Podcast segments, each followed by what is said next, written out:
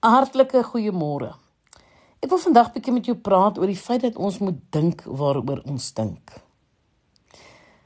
In haar kort lewe van 13 jaar het Rebecca Taylor meer as 55 operasies en mediese prosedures ondergaan en ongeveer 1000 dae in die hospitaal deurgebring.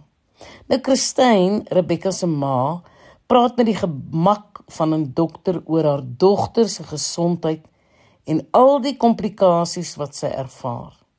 Met die woordeskat van die meeste ma's sluit woorde soos oorslaappartytjies en frases soos te veel tyd op die foon in.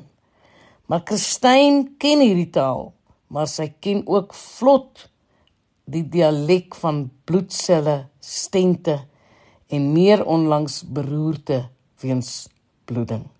En in haar blok skryf sy Die afgelope week se nuwe landmyn was die frase moontlike beroerte weens bloeding. Woorde wat ek al tientalle kere by verskeie dokters gehoor het. Weer en weer en weer het hierdie woorde deur my kop gemaal en my gedagtes oorgeneem. Dit was emosioneel verminkend. Die afgelope Sondag het ons leraar Max Lucado met 'n baie gepaste reeks oor bekommernis begin. Ons het na die baie bekende Filippense 4:6 tot 7 gekyk. Maar moet oor niks bekommerd wees nie, maar bid oor alles. Vra alles wat jy nodig het van God terwyl jy hom ook dank vir alles wat hy doen. Ek het my versoeke aan die Here voorgelê, soos so dikwels in die verlede, maar hierdie keer, ja, hierdie keer het ek meer nodig gehad. Deur Filippense 4:8 en 9 as my riglyne te gebruik, het ek my antwoorde gevind. Ten slotte broers en susters, vul julle gedagtes met alles wat waar is. Wat is op hierdie spesifieke oomblik waar in my lewe? Die seën van almal in my gesin wat saam aandete eet. Met alles wat eerbaar is. Die seën om mekaar se teenwoordigheid buite in hospitaalkamer te kan geniet met alles wat skoon is.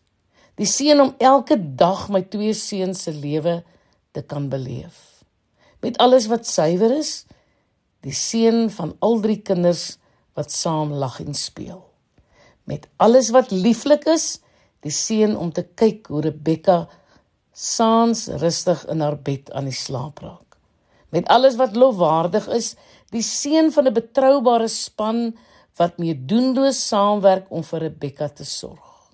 Watter deeg is daar dan nou in my lewe? Die seën om te kan kyk hoe 'n wonderwerk ontvou. Watter lofwaardige saak sien ek raak? Die seën om die Here wat ons lof verdien te aanbid. Vul julle gedagtes hiermee en ek het Deur diep oor hierdie dinge na te dink, kon ek die vreesaanjaende woorde beroerte weens bloeding keer om al die vreugde uit my lewe te steel. Die mag van hierdie woorde om angstigheid in my te skep is nou verbreek. Toe ek my gedagtes gevul het met die oorvloedige seënings wat ek op daardie oomblik in my lewe ervaar het, het God se vrede wat meer is as wat 'n mens dink. Inderdaad oor my hart en gedagtes die wag gehou omdat ek aan Christus Jesus behoort. 'n ware en onverwagte wonderwerk. Dankie Here het jy gelet op wat Christyn gedoen het? Die woorde beroerte weens bloeding het soos 'n donker wolk oor haar lewe gehang Tog het sy gekeer dat hierdie gevreesde woorde die blydskap uit haar lewe suig. Hoe het sy dit reg gekry? Deur haar gedagtes te beheer. Jy weet dit waarskynlik, maar vir ingeval jy dit nie weet nie, is ek so bly ek kan hierdie goeie nuus aan jou oordra. Jy kan kies waaraan jy dink. Jy kan die lig beheer beampte van jou gedagte wêreld se liggawe wees. Jy sit in die beheertoring en kan die verkeer in jou gedagte wêreld reguleer. Die Here help jou daarmee. Ek is Lenet Beer vir Radio Kansel.